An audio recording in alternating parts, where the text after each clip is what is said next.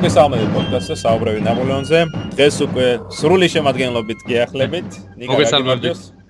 დღეს მართლაც ხო შევიკრიბეთ როგორც იქნა ესე ისე ჩეულებრივად ანუ რაღაცა მოუმატეთ ხო იცი ჩაწერის ტემპს მე მგონი თუმეტეს რომ დღეს ლეიფციგის ბრძოლაზე უნდა ჩავიწეროთ პოდკასტი და თითქმის ხო თარიღიც არის დღეს არის და 14 ოქტომბერი იენის ბრძოლის წლისთავი, მაგრამ ამ პოდკასტს ალბათ ავტვირთავთ 16-ში, ხო?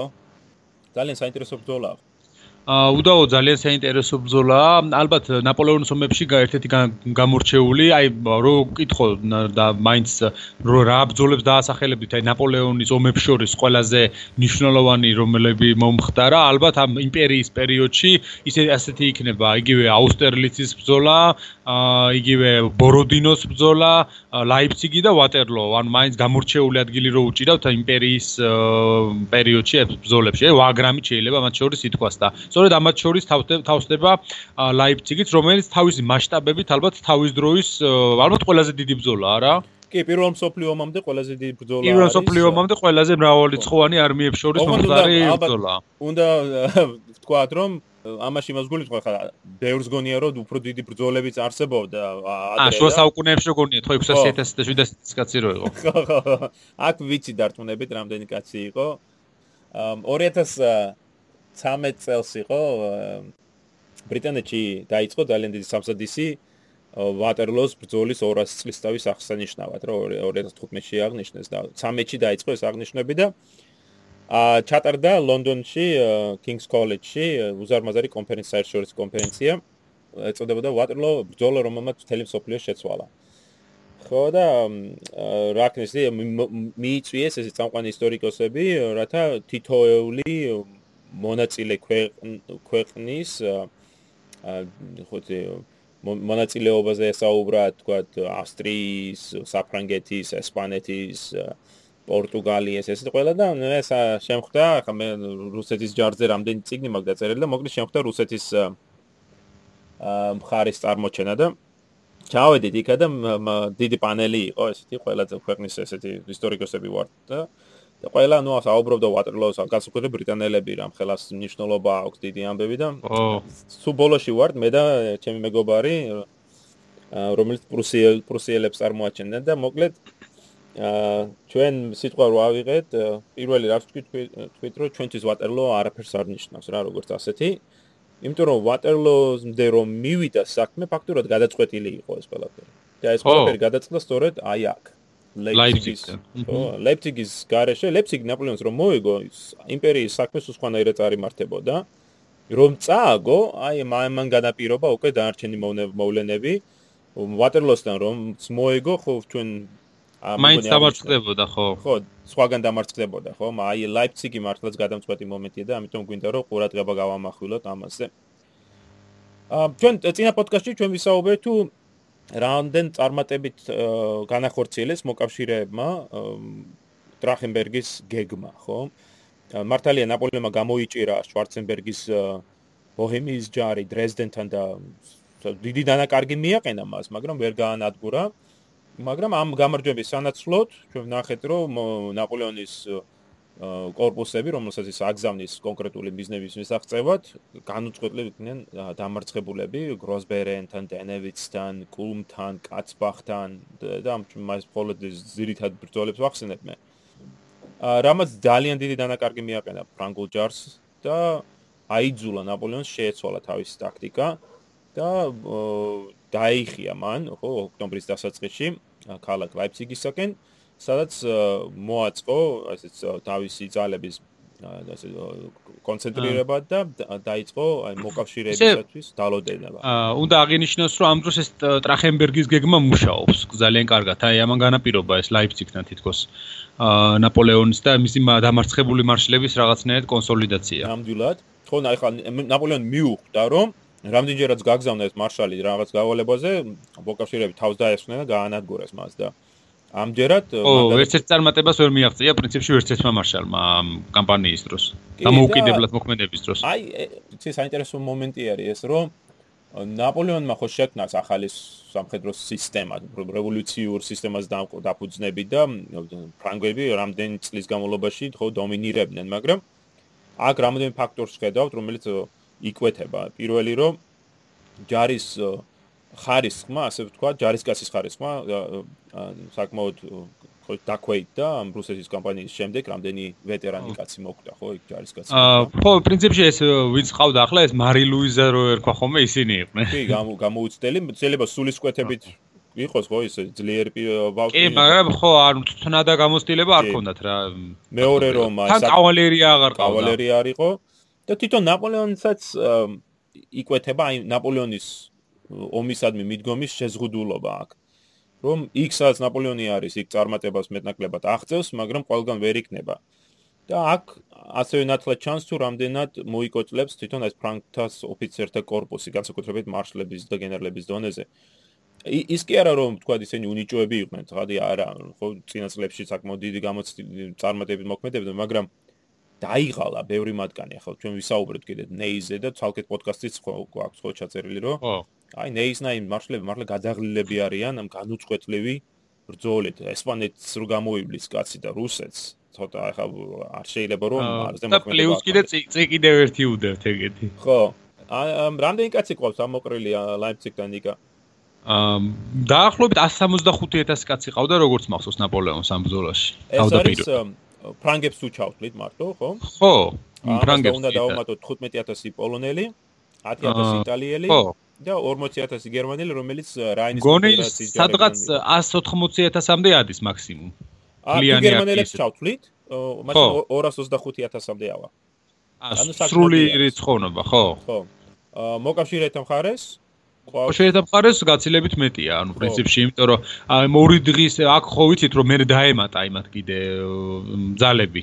ანუ მეორე დღეს და შესაბამისად მათი რიცხოვნობა 300000 და 365000-ზე მეტი იყო. დოლის ბოლომდე ბოლოსათვის მოკავშირეებს ეკნება დაახლოებით 380000 კაცი.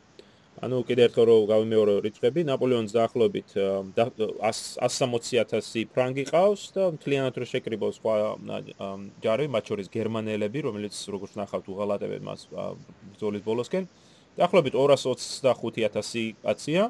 ხოლო მოკავშირეებს 380000 მოკავშირეებს აქვს საკმაოდ დიდი უპირატესობა артиლერიაში 1500-ზე მეტი ქვემეხი აქვს მოკავშირეებს და კავალერიაში. კავალერიაში თავისთავად ხო, განსაკუთრებულად კავალერიაში ალბათ. შემადგენლობას რო გადავხედოთ მოკავშირეებისას, რუსებს ყავს ყველაზე დიდი კონტინგენტი 155000 ხო?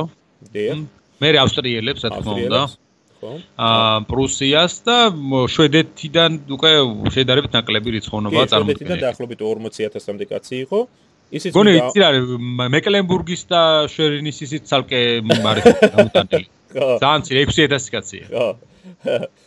ანუ მთლიანობაში რომ შევკრიბოთ ეს რიცხვები, გამოვა რომ ლაიფციგთან დაახლოებით 600000 ცოტა 600000-ზე ცოტა მეტი ადამიანი იბრძოდა, რაც წარმოადგენს ყველაზე დიდ ნაპოლეონის ეპოქის ყველაზე დიდ ბრძოლას და საერთოდაც მისი რა ქვია, გასული მთელი ამ პერიოდის ისტორიაში ყველაზე დიდ ბრძოლას, სანამ პირველ მსოფლიო ომამდე არ მივა. ნამდვილად ფრანგულ ჯარს ბევრი პრობლემა აქვს, როგორც ჩვენ ვახსენეთ, გამოუცდელი ჯარისკაცების დიდი დიდი რაოდენობა, артиლერიის და კავალერიის ნაკლებობა. აა ნახეთ რომ ჯარი საკმაოდ დაღლილი არის აი ტრახენბერგის გეგმის წარმატებული შესრულებით მოკავშირეების მხრიდან. და მოკავშირეებსაც აქვთ ეს ბუნებრივი ეს პრობლემები. მოკავშირეთა ჯარისკაცების საკმაოდ დაღლილები არიან ამ თითქმის წლიანი კამპანიის გამოვლის შემდეგ. თან ისიც არის რომ ხო ისა განწყობაც ხო ამ არმიაში როგორი ის არის ხა თავდაპირველად კი ფრანგები იგებდნენ იქ ლაიფციგი დრეზდენის ლუცენის ბრძოლები ან ლაიფციგამდე ლუცენის და ეს დრეზდენის ბრძოლა მოიგეს მაგრამ ბოლო პერიოდისკენ უკვე პირიქით მოკავშირეები ამაცხებდნენ მარშლებს ნაპოლეონის მარშლებს და შესაბამისად არმიის ისიც ისიც იმოქმედებდა განწყობაზე. ის სულისკვეთება ხო თქვა ხა ვერ ვიტყვი თქვა ფრანგული სულისკვეთება დაცემულია მაგრამ ვერც იმას არა პრინციპში ხა იმ ნაპოლეონ როცა მეთაურობს ჯარს ვერც ეცემოდა ალბათ სულისკვეთება. ხო, მაგრამ ეხლა მართალი ხარო, ეხლა ის განამარცხებები ხო გროსბერენთან თუ დენევიცთან ზაიგავლენას იქონიებდა ჯარის ფლიან ხო სულისკვეთებაზე. ანუ შეიძლება დაცემული არ იყოს, მაგრამ შენ მაინც იცი რომ აი იქ დამარცხდი, აქ დამარცხდი. მოკავშირეთა ჯარი იყო დაყოფილი 4 ნაწილად. ავსტრიის ბოჰემიის არმია, რომელსაც კარლ ვონ შვარცენბერგი მეთაურობდა, უბრალოდ ავსტრიულ-რუსული ჯარი იყო. პრუსიის არმია, ანუ სილეზიის არმია, როგორც უწოდებენ მას, გეფარდ ბლუჰერის მეთაურობით. რუსული ჯარი, რომელსაც პოლონეთის ჯარს უწოდებდნენ, პოლონეთის არმიას, რომელსაც ლევენ ბენინგსენი მეთაურობდა და შვედურ რუსულ პრუსიული ჯარი, რომელსაც ფორმალურად ეწოდებოდა ჩtildeოეთის არმია, რომელსაც შვედეთის კრაუნ პრინცი კარლ იოჰან ბერნადოტი მეთაურობდა. აქვე მინდა აღნიშნო, რომ აი აქ ამ ჩtildeოეთის არმიაში ასევე იყო ერთი მომცრო ზომის ბრიგადა, რომელიც ბრიტანული ჯარიდან იყო გამოგზავნილი, ანუ ბრიტანელები ფორმალურად მაინც მონაწილეობას ღებულობდნენ. აქ. და ეს ბრიგადა იმით არის საინტერესო, რომ ამ ბრიგადას მეთაურობდა კაპიტანი რიჩარდ ბოგი და ეს ბრიგადა იყო რაკეტებით აღჭურვილი. კონგრივის მიერ შექმნილი რაკეტები, რომელსაც აი შეუძლია ხო მოწინააღმდეგის პოზიციების ასე ვთქვათ დაბომბვა მართალია. ინდოეთში იყენებდნენ ხოლმე ბრიტანელები. ფლატ და ხო ვერ და დამიზნებით ვერ დაუშენდი მათ არც ისე ეფექტი უფრო ქონდა ვიდრე შედეგი.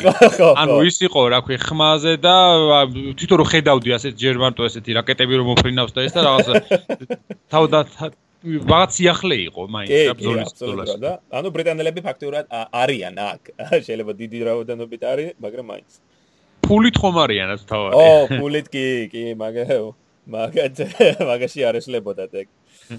ამ ნაპოლეონმა რუკას რო გაახედოთ ლაიფციგის დავინახეთ რომ ლაიფციგთან ნაპოლეონმა არჩია თავ მოყრა ჯარის იმიტომ რომ ამ ამ ქალაქის ირგვლივ რამდენიმე დინარე უერთდება ერთმანეთს და ამის შედეგად დინარები ქმნიან ასე ვთქვათ ოთხ განსხვავებულ რეგიონს ასე მიდგომას ქალაქისადმი და ნაპოლეონი იმედოვნებდა რომ აი ცენტრალური პოზიციის დაკავებით, რაც მისი საბრძოლო ხელოვნების ერთ-ერთი ძირითადი პრინციპი იყო, აი ცენტრალური პოზიციის დაკავებით ის შეძლებდა აი ერთ-ერთი ამ 4-დან მიმართულებიდან მომდინა მომავალი მოკავშირეებისადმი შებრძოლებას და მათ ცალ-ცალკე დამარცხებას. რომ მოკავშირეები ვერ შეძ ვერ შეძლებდნენ ისეთ კარგ თანამშრომლობას, ან ურთიერთ კოორდინაციას ამ დინარების გამო. ჩრდილოეთი ფრონტი ნაპოლეონმა დაავალა მარშალ მიშელ ნეის ჩtildeო აღმოსავლეთი ფრონტი ეკავა მარშალ მარმონს ხოლო აღმოსავლეთი ფრონტი ეკავა მარშალ ჟაკ მაკდონალდს ფრანგული არტილერიის რეზერვი მთელი სურსასანოვაგე ამუნიცია და სხვა იყო განლაგებული უშუალოდ ლაიფციგის ცენტრში. დინარეების ელსტერზე და პლეისზე სტრატეგიულად მნიშვნელოვანი ხიდები იყო იმპერიული გვარდიის დაცვის ქვეშ. ხოლო დასავლეთ ფლანკი ბერტრანი ცხოიდი ბერტრანი დიახ და მის ქვეშ პონეტოვსკიც პონეტოვსკი და სამხრეთით მიმართულებით უკვე ოჟერო იყო ანუ აი ეს წრიულად არის განლაგებული ლაიფციგის ირგვლივ ფრანგული ჯარი მარმონი ნეი ბერტრანი ხო ჩრდილოეთიდან რო დავიწყოთ მერე უკვე პონეტოვსკი, ვიქტორი მიურატი და მაკდონალდი. რაც შეეხება მოკავშირეებს, მოკავშირეები, როგორც აღნიშნე, 4 ძირითად დაჯგუფებად არის დაყოფილი. შვარცენბერგი, რომელიც იყო მოკავშირეთა თავარი, რომელსაც თან ახლავდა ხო იმპერატორი ალექსანდრე, იმპერატორი ფრანცი, რუსიის მეფე ფრედრიკ, ფრედრიხ ვილჰელმი, ვილჰელმი. ანუ გარკვეულწილად მეწოდება შვარცენბერგი, მაგ ხრი, იმიტომ რომ ამსაც უნდა ვიხევდა ამ სამ მონარქთან გამკლავება. ხო, რასაც იტყოდა ამ სამ კაცს. თავის დროზე მაგ მონარქებმა პირველმა ორმა, ამადგან კი კუტუზოვს კაი კაი დღე აყარეს იმასთან, აუსტერლიცთან. ხო. და შვარცენბერგი ანუ ამ ბოჰემიის ჯარით არის სამხრეთიდან ამომავალი. ხო, მან აი ხალხანს დაიკავეს დრეზდენი. კულმთან მოპოვებული გამარჯვების შემდეგ დრეზდენი დაკავებულია და აი დრეზდენიდან ამოდიან ლაიფციგისკენ ბლუჰერი ხო ჩამოდის ჩრდილოეთიდან. და უნდა შეუტიოს ნეის და მარმონის მარმონის მის უკან ასე ვთქვათ მოდის ჩრდილოეთის არმია ბერნადოტის მეთაურობით ისიც ესე ჩრდილოეთიდან ჩამოდის რათა დახმარებოდა ბლუჰერს და ამასობაში ბენინგსენის ჯარიც სტრაფი ტემპით მოდის აღმოსავლეთი მიმართ აღმოსავლეთიდან რათა ჩაებას ამ ბრძოლაში. აიქ პლუს შეგვიძლია ვახსენოთ გიულის ნაწილები, რომელიც ბერტრანს უტევენ ავსტრიელი. ხო, ავსტრიელ ავსტრიელების, ხო? და პლატოვი, რომელიც კავალერიას კაზაკებს მეთაურობდა ხოლმე ძირითადად რუსულ არმიაში, რომელიც მაკდონალდის წინააღმდეგ მოქმედებს. დიახ, აღმოსავლეთიდან უტევს მაკდონალდს. ფაქტურად ჩვენ გვყავს აქ 4 სახელმწიფო მეთაური, ხო? სამი იმპერატორი, ერთი მეფე. მე არ არ მახსენდება მართლა სხვა ბრძოლა, სადაც ამდენი მეფე თუ იმპერატორი იქნებოდა ერთად თავმოყრილი. შენ? აა არა არ არც მე პრინციპში. იცი რა არის ანტიკო აი ძველ მასში უძველეს პერიოდში როცა აი ასურეთის ომებია და აა იქ სხვადასხვა სახელმწიფოებს თავში იქ არის ხოლმე ნახსენები რომ ხო რამდენი 20 მეფე და 25 მეფე რო იყო ერთად ამოყრილები იქ დაწყებული არ დიაოხს მეფე გონ ყველა იქ იყო მაგრამ ის სხვა მასშტაბებზეა აბსოლუტურად გასაკვირველი. ე კარგი იყავა. ეგ არც მახსოვდა სხვა შორის მაგრამ მაგრამ ისე არის ანუ საერთოდ ცნობილია ეს ძველი ცივილიზაციების აი ასურულ წარწერა წერები ურარტოს ტექს რომ იქ როცა წერენ ხოლმე ომებს. იქ არის ხოლმე ძალიან დიდი ისა რა ქვია კავშირი ამ წვრილი სამეფოების და რომლის ყველა მეფე იქ არის. ხო მაგრამ შეგვიძლია ვთქვა და მე მგონი დარწმუნებით რომ უკანასკნელი 2000 წლის განმავლობაში ეგ უეჭელა ალბათ რთული იქნება მოსაძებნი მეორე ბრძოლა რომელშიც სამი იმპერატორი და ერთი მეფე რომ არ თქვა არაფერი თქვა და დაარჩე პატარა მეფუკებზე. მეკლენბურგის და ასე შემდეგ. ამას ხაზი იმიტომ გაუსვი რომ ნაპოლეონს აქვს ერთი უპირატესობა რომ ის არის ხერდათავარი და სახელმწიფო მეთაური. ანუ არ ჭირდება სამხედრო გეგმების შეთანხმება დამტკიცება ერთკაცი არის მოკავშირეებს უფრო რთულად აქვს ამ ხრევ საქმე ვინაიდან შვარცენბერგი კი არის მოკავშირეთა ძალების ხერდათავარი გერმანიაში მაგრამ მას უწევს ყველა ნაბიჯის, ყველა გეგმის, ყველა გადაწყვეტილების შეთანხმება აი ამ სამ პიროვნებასთან, რომელთაგან რუსეთის იმპერატორი ალექსანდრე ყველაზე გავლენიანი და ნიშნულოვანია. ბრძოლა დაიწყო 16 ოქტომბერს. და ის დაიწყო მოკავშირეთა შეტევებით. შეტევებით. მართალია მათ აქვთ რიცხობრივი უპირატესობა, მაგრამ ნაპოლეონს აქვს ეს ცენტრალური პოზიცია, რის შედეგად ის რასაც ის ძალიან დიდ წარმატებით იყენებს. ხო, ანუ რეალურად მოკავშირეები, რომლებიც უფრო მრავალი ცხოვანები არიან, არიან შეტევაზე, მაგრამ აი თითქოს ბრძოლას მაინც აკონტროლებს ნაპოლეონი ჯერჯერობით. რა არის ეს ლაიფციგის ბრძოლა, ვინაიდან ის ძალიან დიდ ხანს გასტანა, ხო, სამ დღე გაგრძელდა. არ არის ერთი დიდი ბრძოლა, არამედ არის რამოდენიმე ბრძოლის დობლიობა. პირველი შეტაკება, ასე რომ განსხვავოთ ლაიფციგის ბრძოლას და მის შემადგენელ ნაწილს შორის და პირველი შეტაკება მოხდა დოლიცთან. დოლიცთან, სადაც ეს ლაიფციგის სამხრეთით მდებარეობს, სამხრეთ-დასავლეთით უпроსწორედ. და სწორედ აქ ავსტრიელთა მეორე корпуსი, რომელსაც მეთაურობდა გენერალი მერველტი, ამ ამ корпуსმა შეეცადა მიეტანა იერეში პონეტოვსკის პოზიციებზე აა მაგრამ მერველტის корпуსმა დიდი დანაკარგები განიცადა ფრანგებთან შეტაკებაში. აქ ნაპოლეონმა ცოტა ხანში ჩააბა კიდეც. მან მარშალი პონიატოვსკი, მარშალი არ იყო ჯერ, პონიატოვსკი. ჯერ არ არის გენერალი პონიატოვსკი, მაგრამ ნაპოლეონმა მიაშველა ახალგაზრდა იმპერიული გვარდია, რომელთა რომელთა მეშვეობით ეს ავსტრიელები უკუგდებული იქნენ დოლიცთან და საკმაოდ დიდი დანაკარგები განიცადეს. აა სხვა შორის სწორედ ამ დოლიცთან შეტაკების დროს თავი გამოიჩინეს საქსონელებმა, რომლიც ჯერ ჯერ კიდევ ფრანგების ხარეზე იბრძოდნენ და დიდი დანაკარგი მიაყენეს ამ ავსტრიელებს. აა შემდეგ აა პირველი შეტაკება დოლიცთან არის, მეორე არის პატარა დაბა მაკლერბურგთან, სადაც ასევე ავსტრიელები უტევენ აა სამხრეთი მიმართულებიდან, ხო? ხო, იქ მაკდონალდის, ვიქტორის და ასე შემდეგ. მაგდია, ხო, ძირითადი შეტევა უფრო არის აი მაკდონალდის მარჯნივ, ოჟეროს корпуსზე. აქაც ავსტრიელები ცდილობენ მდინარის გადალახვას, აი როგორც აღნიშნე, ნაპოლეონმა გამოიყენა ხო ეს ადგილობრივი რელიეფი და აი მდინარეზე გადასვლა ძალიან რთული პროცესი არის და ფრანგებმა და პოლონელებიც საკმაოდ აქტიურები არიან აქ და დიდი დანაკარგი მიაყენეს ავსტრიელებს და უკუ აკდეს ისინი მაკლერბურგისგან. შემდეგ უკვე დადგა რუსების ჯერი და შემდეგ მესამე მნიშვნელოვანი შეტაკება ხდება ვაშაუსთან, რომელიც ზუსტად ლაიფციგიდან სამხრეთ აღმოსავლეთით მდებარეობს. ო. ამ აქ რუსები ხო? აქ რუსების მეორე корпуსმა მიიტანა იერეში მას ხარს უჭერს პრუსიელთა ბრიგადა. მაგრამ არიციან რუსები რომ ფრანგები საკმაოდ ძლიერ პოზიციებზე დგანან, მზად არიან.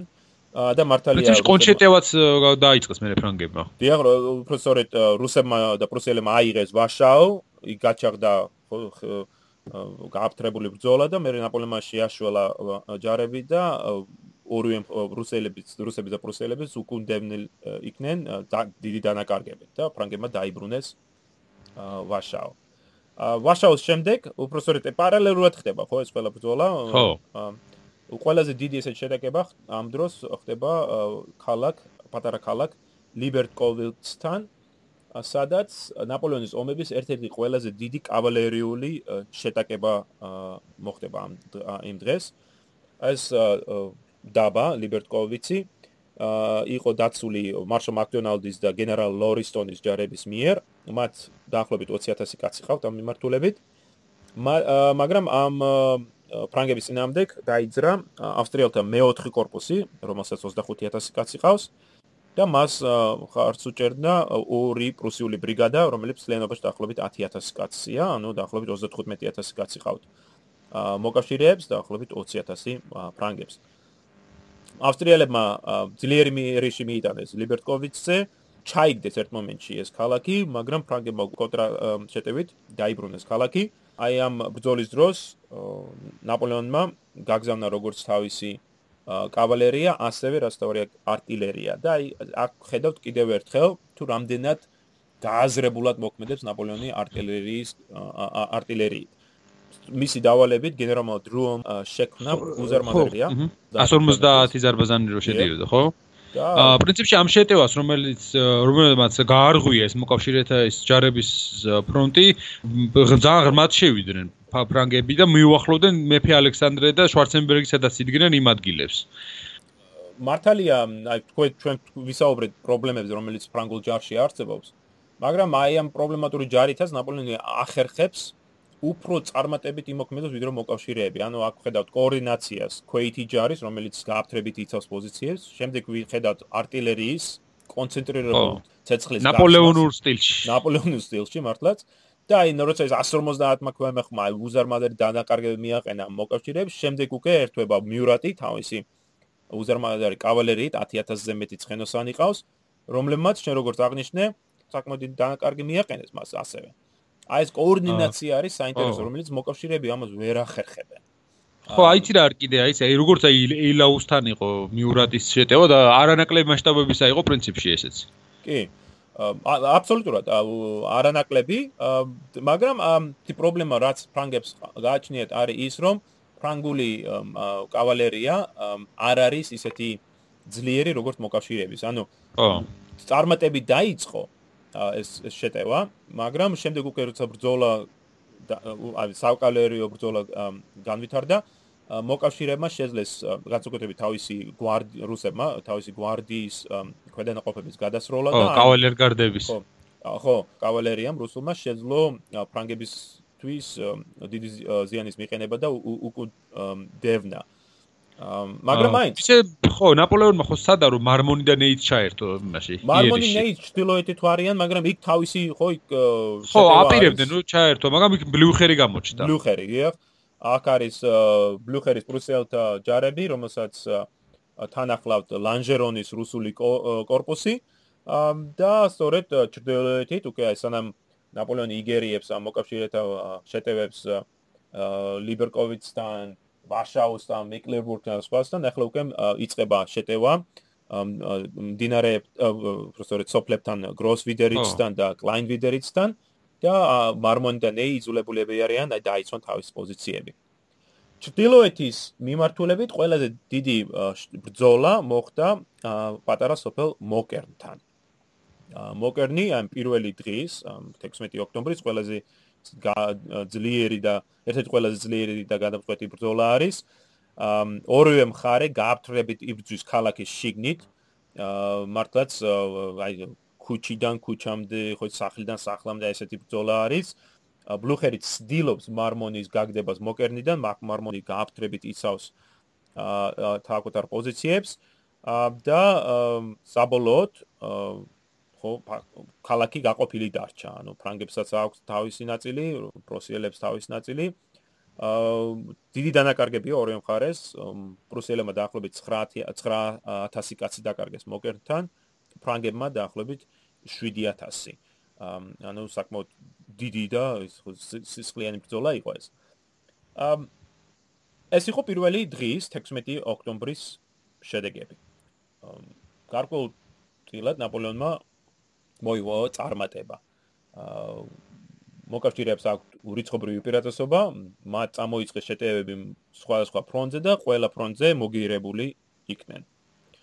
აა ვინაიდან ეს ძალიან სისხლისღვრელი იყო ეს ეს პირველი დღე, 17 ოქტომბერს ფაქტობრივად ორი მხარე ისვენებდა. მოუწიათ ძალაუნებურად. დაჭერლებიც ბევრი იქნებოდა ამავე დროს და ხო ძალიან ძლიერ. ათასობით მიხრელ მოყრილი ხო ამ თელს ამ უზარმაზარ ტერიტორიაზე. 17 ოქტომბერი არის მნიშვნელოვანი იმის მხრივ რომ მიიღეს დამხმარე ძალები. კი. ხო, არა მარტო იმის იმისგან რომ გარედან მიიღეს ის დამხმარე ძალები. თვითონ ნაპოლეონის ჯარისგანაც მიიღეს. უბრალოდ საფუძველი ჩაიყარა ამას, რომელსაც მიიღებენ მომდევნო დღეს, ხო? კი, კი, ერთი დღის შემდეგ. ხო. ა ფრანგებმა მხოლოდ 14000 დაახლოებით 14000 კაცის დამხმარე ძალა მიიღეს 17 ოქტომბერს. აი მოკავშირეებმა კი მიიღეს 155000-ზე მეტი ჯარისკაცი. ანუ დებში ერთი იმდენი ჯარი მოუვიდა თქვით. აა ეს იყო აი სწორედ პოლონეთის არმია, რომ ჩვენ რომ ვახსენეთ, კოტკასის დასაწყისში, რომელსაც ბენინგსენი მეთაურობდა. ბენინგსენი შეუერთდა ბოჰემიის არმიას, ხო და განავრცო ასე ვთქვათ ბოჰემიის შვარცენბერგის ბოჰემიის არმიის მარჯვენა ფლანგი და მეორე ძირითადი არმია იყო ჩრდილოეთის არმია, ხო რომელსაც ბერნადოტი მეთაურობს. რომელიც ჩამოვიდა ჩtildeო აღმოსავლეთ მიმართულებით და დადგა აი ბლუხერის მარცხნივ და შეიქმნა ესეთი რკალი. ჩtildeოიდან რო დავიწყოთ, ბლუხერია, შემდეგ ბერნადოტია, შემდეგ ბენიქსენია და შვარცენბერგი. ან თითქმის რკალი თითქმის მთლიანად შეკრული არის ლაიფციგის ირგვლივ. პატარა ნახრეტი არის, ხო, ასე ვთქვათ, გასაქცევი ადგილი დასავლეთით, სადაც გიულაის დივიზია ცდილობს ამ ამ მის ამოქოლვას, მაგრამ მაინ ფრანგებს გაქცევის საშუალება ჰქონდათ. 18 ოქტომბერიც გათენდა. მოკავშირეებს დიდი იმედი აქვთ, რომ აი მათ თითქმის შეკრეს ეს რკალი და რომ შეძლებენ ნაპოლეონის განადგურებას. 18-ში ყველაზე მნიშვნელოვანი მომენტი ძირითადი, ანუ რაც მოხდა ორ ორ არმიას შორის ბრძოლაში, იყო საქსონელთა მთელი корпуსის ღალატი. აა ეს საქსონელთა корпуსმა რომელიც ჩვენ ახსენეთ უკვე რომ თავის კი გამოიჩინა პირველ დღეს ბრძოლისა განსაკუთრებულად თანაც აა უკვე ამ პერიოდში რაღაც გადაწყვიტეს რომ ეღალატათ ნაპოლეონისთვის და მოწინააღმდეგის მხარეს გადასულიყვნენ და ეს იყო ძალიან მნიშვნელოვანი მომენტი ამ ბრძოლა ამ ბრძოლაში იმიტომ რომ პრინციპში ამან ძალიან დიდი გავლენას მოახდენ და არა მხოლოდ იმიტომ რომ რაღაც ცოცხალი ძალის რაღაც ნაწილი გადავიდა მოწინააღმდეგის მხარეს არამედ იმიტომაც რომ რაღაცნაირად სულისკვეთ საბრძოლო სულისკვეთების დაცემაც უნდა გამოეწვია რეალურად ამას შუა ბრძოლაში ესეთი მთელი კორპუსის ღალატ რამოდენიმე დეტალი მინდა ასე ვთქვათ, წამოვწიო წინა პლანზე. საქსონელები რო შენ როგორც საქსონი არც ისე დიდი რიცხობრივად ხო არც ისე დიდი შენ კონტინგენტი იყო დაახლოებით 6000-მდე კაცი არის. აი როგორ მოხდა ეს ღალატის მომენტი, მაინც და მაინც ხო არ არ შემხედრია არც და ამის ცოტა ვრცელი განმარტება. ისინი მსახურობენ გენერალ ჟან რენიერის მეშვიდე корпуსში და ეს корпуსი ხო იცავს ლაიფციგის მისადგომებს. აა კერძოდ კი ისინი პირისპირ დგანან, აი ეს რაინი რენიერის корпуსი პირისპირ დგას ბერნადოტეს ჩრდილოეთის არმიისა. და აი აქ ეს აი პიროვნული საკითხიც არის მნიშვნელოვანი, იმიტომ რომ 4 წლით ადრე ბერნადოტი ჯერ კიდევ საფრანგეთის მარშალი, ხო, ფრანგი. ამ ბერნადოტი მეთაურობდა საქსონელებს, უბრალოდ საქსონელების მეცხრე корпуს. აა ავსტრიის წინააღმდეგ ომში. ეს არის 1809 წლის, ხო, მეხუთე კოალიციის ომი. და აი აქ საქსონელებს რომ მეთაურობს, ძალიან კარგი შტაბეშტილება დატოვა საქსონელებზე. მოხიბლულები იყვნენ საქსონელები მისი მანერებითაც, აი როგორ ეპყრობოდა მათ. აა სხვადასხვა ის ისიც არის რომ აი ვაგრამთან ბრძოლის დროს აა უпроцент ბრძოლის შემდეგ ბერნადოტმა ცალკე აღნიშნა საქსონელების აა სიმამაცე და თავდადება ამ ბრძოლაში. და მოკლედ საქსონელებს ახსოვთ აი ბერნადოტის ხო მოპრობა და ურთიერთობა. ბუნებრივია საქსონელებს ოფიცრებსაც ესმით რომ აი რაშ რაში აწყობ მათ ამ საქსონელებს ნაპოლეონის ხარეზე ბრძოლას მაშინ როდესაც მისი იმპერია ეცემა.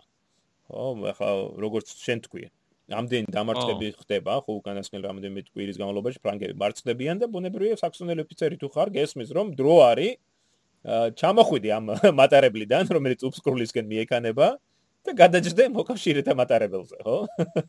ანუ საქსონიის მეფეც არ არის ინფორმირებული ამის შესახებ, მან არიცის. ეს არის აი უშუალოდ აქ აი საქსონელი გენერლების და ოფიცრების მიერ მიღებული გადაწყვეტილება, რომ მათ უკვე საკმარის იბრძოლეს ფრანგების ხარეზე დრო არ გადავიდნენ და მართლა ზაი ბრძოლა როცა განახდა 18 ოქტომბერს, სწორედ ბრძოლის დროს ფრანგები დგანან, ხო, ამ საქსონელებთან ერთად, ისინი ხედავენ საქსონელები იწებენ იერის, და მე უცებ ჩერდებიან, მოტრიალდებიან და ესრიან ფრანგებს. ამ საქსონელების გადასვლით ამ ფრანგების პოზიციაში ხრელი ჩდება, ხო, ეს ადგილი, სადაც სადაც ბერნადოტი დაუყოვნებლი უტევს და აიძულებს ფრანგებს, ხო, უკან დაიხიონ, ანუ იქნება ეს შაშიშროება ფრანგული რკალის, თავდაცვითი რკალის გარღვევის. აკვე მინდა აღნიშნო რომ ეს საქსონელების გადასვლა მართლაც მნიშვნელოვანი არის ბუნებრივია მაგრამ მარტო მათი გადასვლა არ არის გადამწყვეტი მომენტი ამ ბრძოლის ამ ბრძოლაში ფრანგების დამარცხების რა თქმა უნდა ამ თელი დღის განმავლობაში იყო გააფთრებული ბრძოლები სხვა ამ თელი ლაიფციგის ირგვლივ რამოდენიმე მიმართულებით.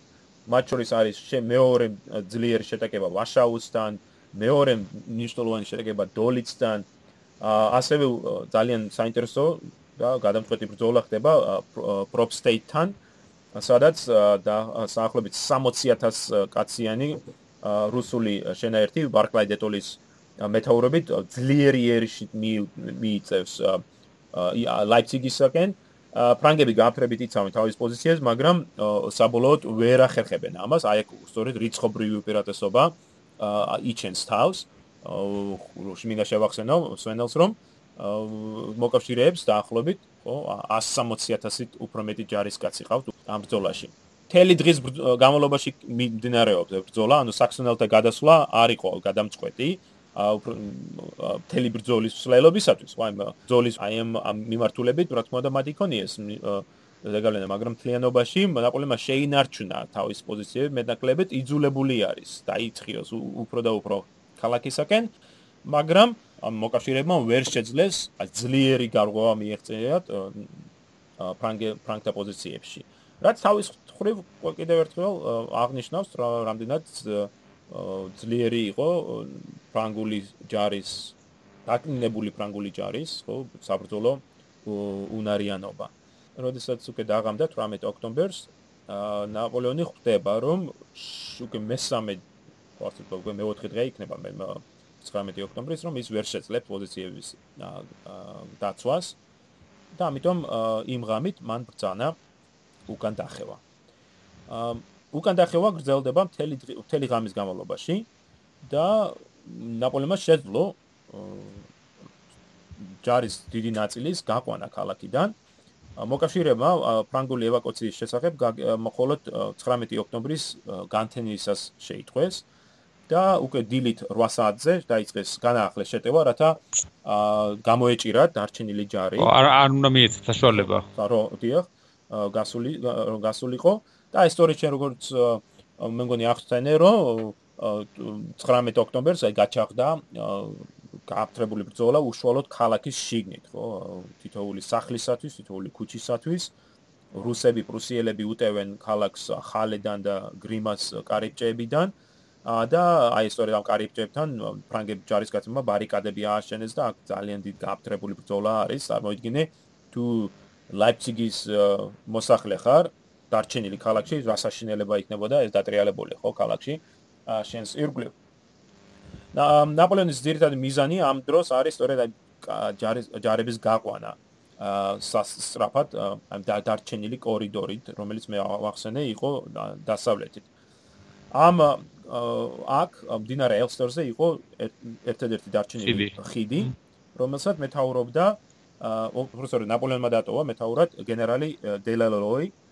დელელოიმა თავის ხრივ გადასცა ეს მოვალეობა პოლკოვნიკ მონფორტს. პოლკოვნიკმა მონფორტმა თავის ხრივ გადასცა ეს ერთ ჩოულბრუ უმცროს ოფიცერს. კაბრალ ლაფონტენს. რა მოყვამას? აბა, ახლა აფეთკეს ხიდი. ნაპოლეონის დავალება არის რომ რაც შეიძლება დიდი ხნის განმავლობაში დაიცვან ეს ხიდი, უზრუნველყონ ჯარის უკან დახევა და შემდეგ უკვე ააფეთქონ ხიდი და ამით სარწმუნოებას მოუჭრან გზა. ხო, გზა დაიცვას. რო ვეღარ გადაგამოედნევენ უკან. შუადღის პირველი საათი იქნებოდა, როდესაც ლაფონტენი იდგა ამ ხიდთან, ამ პროფესორის ხიდის მისადგომებთან, მისი ირგვლივ ბძინვარებდა ეს ბრძოლა, თორე საბრძოლო ყიჟინა, სროლა, კვამლი, ხო? და ხიძე ამასობაში გადადის ათასობით ადამიანი, ხო ეს ჯარისკაცები ფრანგები ცდილობენ უკან დახევას და აი სწორედ ამ არეულობაში, ამ ორზაურში ლაფონდანს მოეჩვენა რომ ერთ-ერთ ადგილას რუსე იაგერები საკენის корпуსიდან რომ ისინი თითქოს და მათ შეძლეს აი ხიდისკენ გასვლა. გარკვეულწილად დაიბნა ლაფონტენი ამ ორზაურში, რა თქმა უნდა მას ძალიან დიდი მოვალეობა ეკისრა თავს და ის გზნობდა მოვალეობის პასუხისგებლობას და მიუხედავად იმისა რომ აი ჯარზე ხიდზე გადადიან ეს ჯარისკაცები ლაფონტენი მივარდა ხიდთან წაუკიდა ფიტილს ცეცხლი და რამდენიმე წამში ეს ხიდი და მასზე გამოვალი ადამიანები ყველა შეეწირა ამ უზარმაზარ აფეთქებას. წარმოგიდგენიათ ალბათ რა ხელა აფეთქება არის, მაგრამ რაც თავარი არის, ამ აფეთქებით ლაიფციგში გამომწყრეული აღმოჩნდა 30000-ზე მეტი ფრანგი ჯარისკაცი. ამ ჯარისკაცებს შორის იყვნენ მაგალითად მარშალი უდინო, რომელმაც შეძლო დინარე ელსტერში გადახტომა და გადაცურვა. მაკდონალდს მაკდონალდმაც ხო შეძლო. მაკდონალდმაც შეძლო. თუმცა პონიატოვსკი ვეღარ შეძლო. პონიატოვსკი დაჭრილი იყო, ხო? ჩახტა მდინარეში, უფრო გადახტა მდინარეში, მაგრამ ამ მდინარეს გადაცურა. ხო, ვეღარ გადაცურავდა უკვე ესე. გადაცურა და მდგომარეობაში არა და ორი დღის წინ მარშალი გახდა. აბა, ამ თელი ცხოვრება რა ხო იცი იღწვი რა, ასეთვის მიიღწევდა, მიაღწევდა. მეორე დღეს ფაქტიურად დაარიხარ. 19 ოქტომბრის მიწურულს ლაიფციგის ბრძოლა დასრულებული იყო. ფრანგული არმიის ნარჩენები იხებდნენ დინარე ელსტერის დასავლეთისაკენ. ნაპოლეონმა საკმაოდ კარგად ორგანიზებული უკანდახევა მოაწყო, რითაც შეაფერხა მოკავშირეების დადევნება. უფრო მეტიც, როდესაც ბავარიის ჯარმა, როგორც აღნიშნეთ წინა პოდკასტში, ბავარიამ ომი გამოუცხადა საფრანგეთს 6 ოქტომბერს, როდესაც ბავარიულმა ჯარმა შეეცადა უკანდახეული ფრანგული ჯარის შეჩერება ჰანაუსთან, ნაპოლეონმა დაამარცხა და გზა გაიკვლია საფრანგეთისაკენ. დეკემბრისთვის უკვე ფრანგები იყვნენ საფრანგეთში. ლაიფციგის ბრძოლა ერთ-ერთი ყველაზე სისხლიანი ბრძოლა მე-19 საუკუნისა. ორივე მხარემ 200-ზე 1000-ზე მეტი გასროლა მოახდინა საარტილერიო, ანუ წარმოგიდგენიათ ამ საკმაოდ მომცრო ზომის ქალაქის ფარგლებში რა მოხდებოდა 200.000 საქმე ხო გასროლის შედეგად. ნაპოლეონმა დაკარგა დაახლოებით 40000-ზე მეტი კაცი, აქ თვლით როგორც დაღუპულს, ასევე დაჭრილს და 30000-ზე მეტი ტყვეთ ჩავარდნილი. ანუ თავისი ჯარის, როგორც მომბული დაახლოებით 160000 ფრანგი და მთლიანობაში რო ავიღოთ 225000, დაახლოებით მე-13 ჯარისა დაკარგული იყო. მოკავშირეებმა დაკარგეს 54000 კაცი, რომელთაგან ბოჰემიის არმიამ დაკარგა უმეტესი წილი 34000-მდე, ბლუჰერის არმიამ 12000 და ბერნადოტის და ბენინგსენის არმიები, რომლებიც როგორც ნახეთ, მოგვიანებით შეუერთდნენ ბრძოლას, დაახლოებით 4000 კაცი დაკარგეს. დანაკარგებს შორის, ფრანგულ დანაკარგებს შორის, უნდა აღნიშნოთ ისიც, რომ არაერთი გენერალი და მარშალი იყო, შენ უკვე აღნიშნე პონიატოვსკი, მაგრამ პონიატოვსკის გარდა დაიღუპა 6 გენერალი, 12 იქნა დაჭრილი 36 იყო ტყვეთ აყვანილი მათ შორის იყვნენ გენერლები ლორისტონი და რენიე ლეიპციგის გამარჯვება არის გადამწყვეტი მნიშვნელობის ბრძოლა თუ აუსტერლიცმა ნაპოლეონს მისცა ხო გერმანიის ცენტრალური ევროპის გაკონტროლების საშუალება, აი ლაიფციგმა ეს საშუალება მას მოუსწო. სწორედ ლაიფციგის შემდეგ აშკარა ხდება, რომ ნაპოლეონს აღარ დაეთქომება გერმანიაში. სწორედ ამ ბრძოლის შედეგად ხდება აი რაინის კონფედერაციის გადასვლა მოკავშირეთა მხარეზე და ფაქტურად ლაიფციგის ბრძოლამ დაასამარა ნაპოლეონის იმპერია. შეიძლება იმპერია გააგრძელებულიყო, თქვა საფრანგეთის მასშტაბით, ხო? მაგრამ ნაპოლეონს რომ მიიღო ეს საზავო პირობები, რომელსაც ჩვენ ვისაუბრეთ შემდეგ პოდკასტში. მაგრამ ეს იქნებოდა უფრო უშუალოდ საფრანგეთის მომწველი და არა ევროპის მასშტაბის იმპერია. ო, პრინციპში იმპერია ამან დაასრულა რა. ნამდვილად. ასე შეიძლება ითქვას, საფრანგეთის იმპერია, რასაც ერქვა, რაც ნაპოლეონი ქმნიდა ამდენი წლის განმავლობაში, ლაიფციგთან დასრულდა. დასრულდა. თუ ჩვენ მსმენელი შეძლებს ლაიფციგში ჩასვლას სადღეისოდ, მას იქ დახვდება უზარმაზარი ხომემორიალი, რომელიც გერმანელებმა ააშენეს 1913 წელს ბრძოლის 100 წლის თავზე. მემორიალი არის დაახლოებით 91 მეტრის სიმაღლის კოლოსალური, ხო, შენობა.